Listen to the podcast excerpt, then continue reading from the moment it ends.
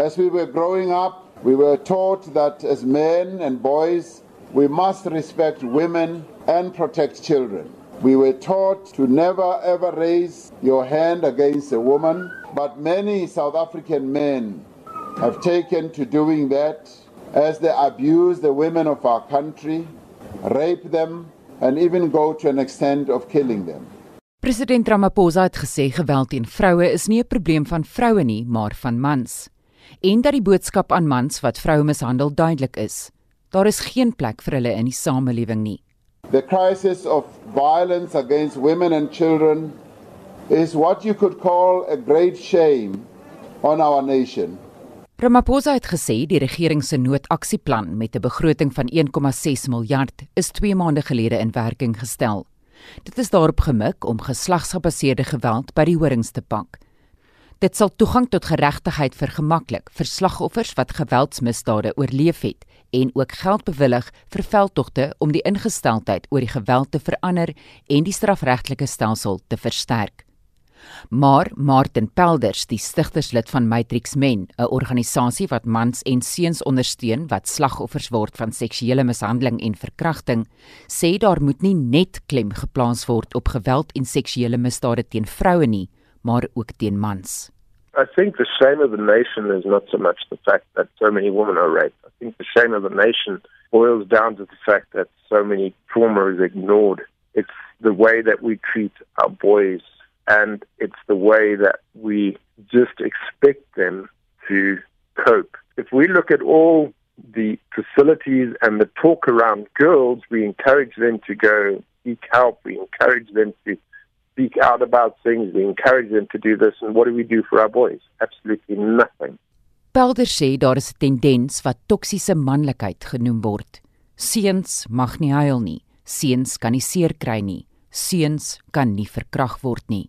far as a boy is concerned, he has to be tough. And if he's beaten up at home, he can't cry about it and he can't talk about it. I think one of the things that comes to mind every time I talk about this topic is when I was a 16 year old boy and I was looking for assistance. I finally found the courage and I thought, okay, I'm going to talk to somebody about this. And I went around looking, and all the rape crisis centers and all that sort of thing in the country at the time had little girls on the picture, and they were always being threatened by this big man. And that image alone told me that I was not a victim, that I could not be a victim because I was a boy. And in fact, at that time, I was being raped by women.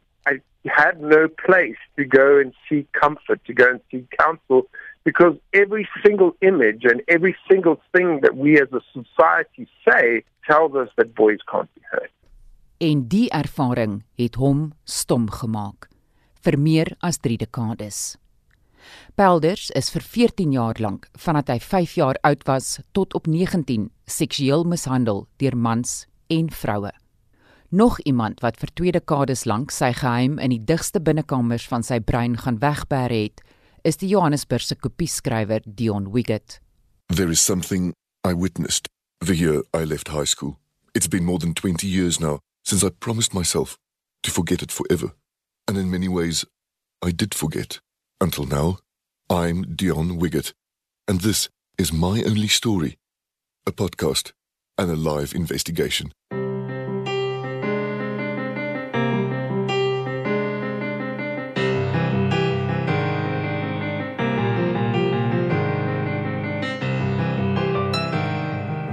Years ago, I was an advertising copywriter here in Johannesburg, South Africa. The work was good. My husband was awesome. I phoned my parents once a week. Then, one Saturday, everything changed forever. Two decades of my life just upped and left, and I was back in 1997. It was my last year of high school, and I was so frightened by what I witnessed that I resolved to forget it. But forgetting comes with its own price. It bides its time, but it always returns, demanding to be paid. 11 maande gelede het Wicket begin met 'n ondersoek. In 'n reeks van 4 potgooi uitsendings wat hy hierdie maand in samewerking met Media 24 gepubliseer het, vertel hy sy storie. Een waarin hy onthul hoe hy en ander mans, toe skoolseuns, Na bewering deur 'n oud onderwyser wat toe 'n joernalis en later 'n uitvoerende beampte by die land se grootste drukpersgroepe geword het, seksueel aangerand en verkragt is. Hy wou die man wat hom meer as 20 jaar gelede verkragt het, uit die samelewing verwyder hê. Dit was die doel van die ondersoek, sê hy. Maar dit het Wiggett meer as 2 dekades geneem om by die draaipunt in sy lewe uit te kom. En dit was met 'n pynlike gebeurtenis in sy lewe dat sy diepgewortelde trauma oopgespit is. Hy het in die potgooi uitsendings na sy vermeende verkragter as Jimmy verwys. I hadn't thought of Jimmy in 20 years. But now the memories were bulleting out of this tiny little box I made for them in the deep back of my brain. A few weeks after the death of my father, the late, great Manny Wiggett, I was suddenly forced to think of a man who couldn't be more different from him. I was thinking about Jimmy, and I was remembering clearly what I thought I'd forgotten all those years ago.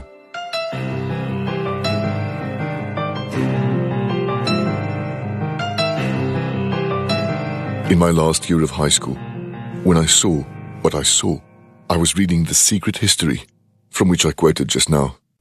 Wanneer sy brein klakkeloos die leer oopgevou het, het Wiggett dit vinnig weer toegeklap. Hy wou vergeet en het nooit 'n klag by die polisie gaan indien nie. Jy besef nie wat jy vergeet nie. Ons breine beskerm ons van die goed waarmee dit nie kan deel nie. Die ding omtrent seksuele mishandeling is dit is soos die simptome is presies dieselfde as post-traumatic stress, maar jy weet nie dat jy in die oorlog was nie.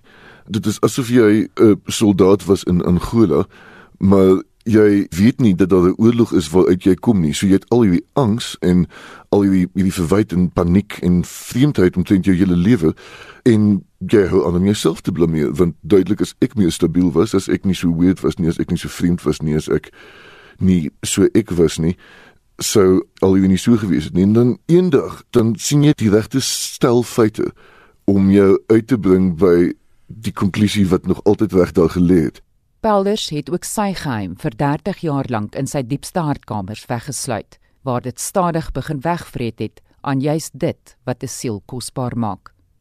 Hy het 10 jaar gelede op die ouderdom van 45 die eerste keer daaroor begin praat.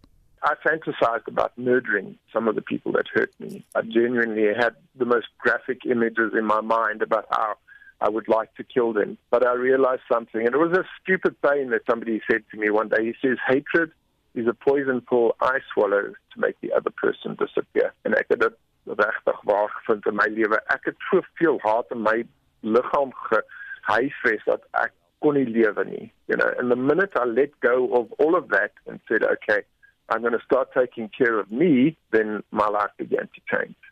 Oor die jare het Wiggett telkens gewonder of hy die enigste slagoffer was. En toe begin sy soektog. I was not Jimmy's only target, and I'm not his only survivor. I was one of the boys he wanted, but not an aberration or an anomaly. It wasn't terribly exceptional when he raped me in the mouth when I was 17. Hy stuur boodskappe aan meer as 100 mans en gaan versigtig te werk in hoe hy hulle benader. Other than a bit of survivor's intuition, I have no way of knowing whether someone has been abused by Jimmy. I can ask vague questions and see if anyone will talk to me, but I can't make anyone talk or try to remember.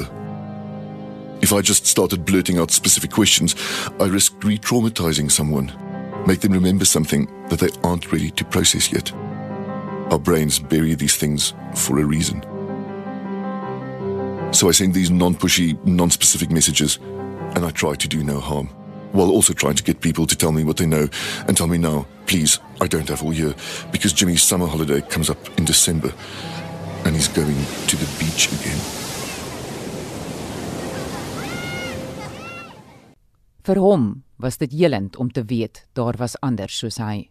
As jy my gevra het toe ek in my 20's was of al wat met my gebeur het, sou ek ook erns tussen passief aggressief en gewone aggressief gewees het want niks het my gebeur nie alles is fyn ek probeer my lewe hier lei en kan jy asseblief ophou vra daaroor? Ek moes ouens skryf wat op die regte punt van hulle healing proses is. Ek het 'n gevoel van vrede wat ek in 'n in 'n lang tyd nie het nie. Ek ek weet waar Jimmy is en ek weet dat hy dit nie aan ander seuns doen nie.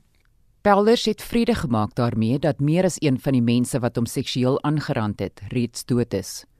Maar hy moes eers leer om deur sy eie trauma te werk.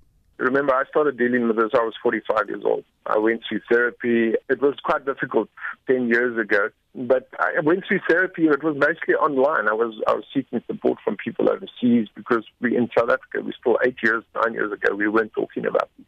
For the first time in my life, I can look in the mirror and say, "I love you."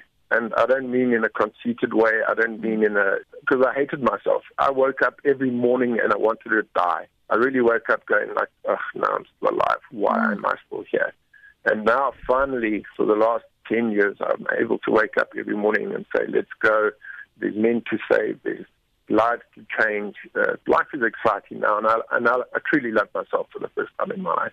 En dis hoekom hy ander mans en seuns wat slagoffers is, help. Dis die boodskap aan seuns wat dringend moet verander, sê Pelders.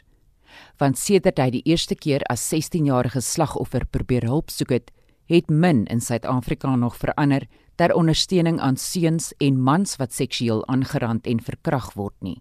In 40 years we still pushing that same thing where we saying boys can't be hurt, boys are tough, boys can't cry, boys aren't allowed to feel emotions, boys have to overcome and you know in South Africa I've realized it's not the cowboys don't cry, it's tigers don't cry. And you know, that message hasn't changed. And, and this is one of our biggest driving factors is that we want that message to change. We want boys to be able to come out and say, hey, I was hurt. Wiget het 2 weke gelede na 23 jaar 'n klag van seksuele aanranding by die polisie in Kaapstad ingedien. Hy sê hy het die potgooi uitsendings om verskeie redes gemaak, waaronder geregtigheid, aktivisme, maar ook uit wraak so wraak het ek agtergekom was eintlik my vierde motivering. En ek ek ek kan nie te spesifiek oor die wraak praat om hom indirek te identifiseer nie. Maar as gevolg van die die manier wat hy gelewe het en as wat hy wat hy mense geleer het om goed te doen op daardie selfde manier, wou ek vir hom sê dat dit nie oukei okay is nie. Hy kan nie verstaan hoe enigiemand anders voel nie. So ek moes hom leer hoe ek moes hom dit self laat voel want want as jy nie empatie het nie, kan jy net iets verstaan as jy dit self voel. Pelder sê die beste raad wat hy aan enige slagoffer kan gee is om nie stil te bly daaroor nie, al is dit ook hoe moeilik. Whether you've been abused, you were abused, you're still being abused, is to speak out. The minute you start talking about it, that's when you move from victim to survivor. And then you want to move from survivor to victor, that's therapeutic process. And then you can reach out to organizations like Matrix Men, Childline, Lifeline, and you can find help and support, and people will actually help you through the process. If you want to open a case against your abuser, we will help you through that process.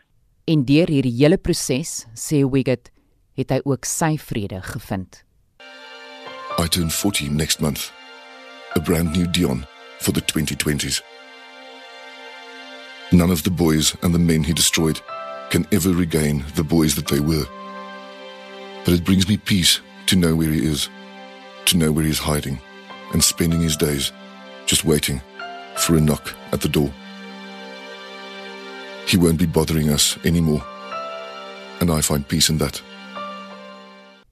Ek is Estie Klerk vir.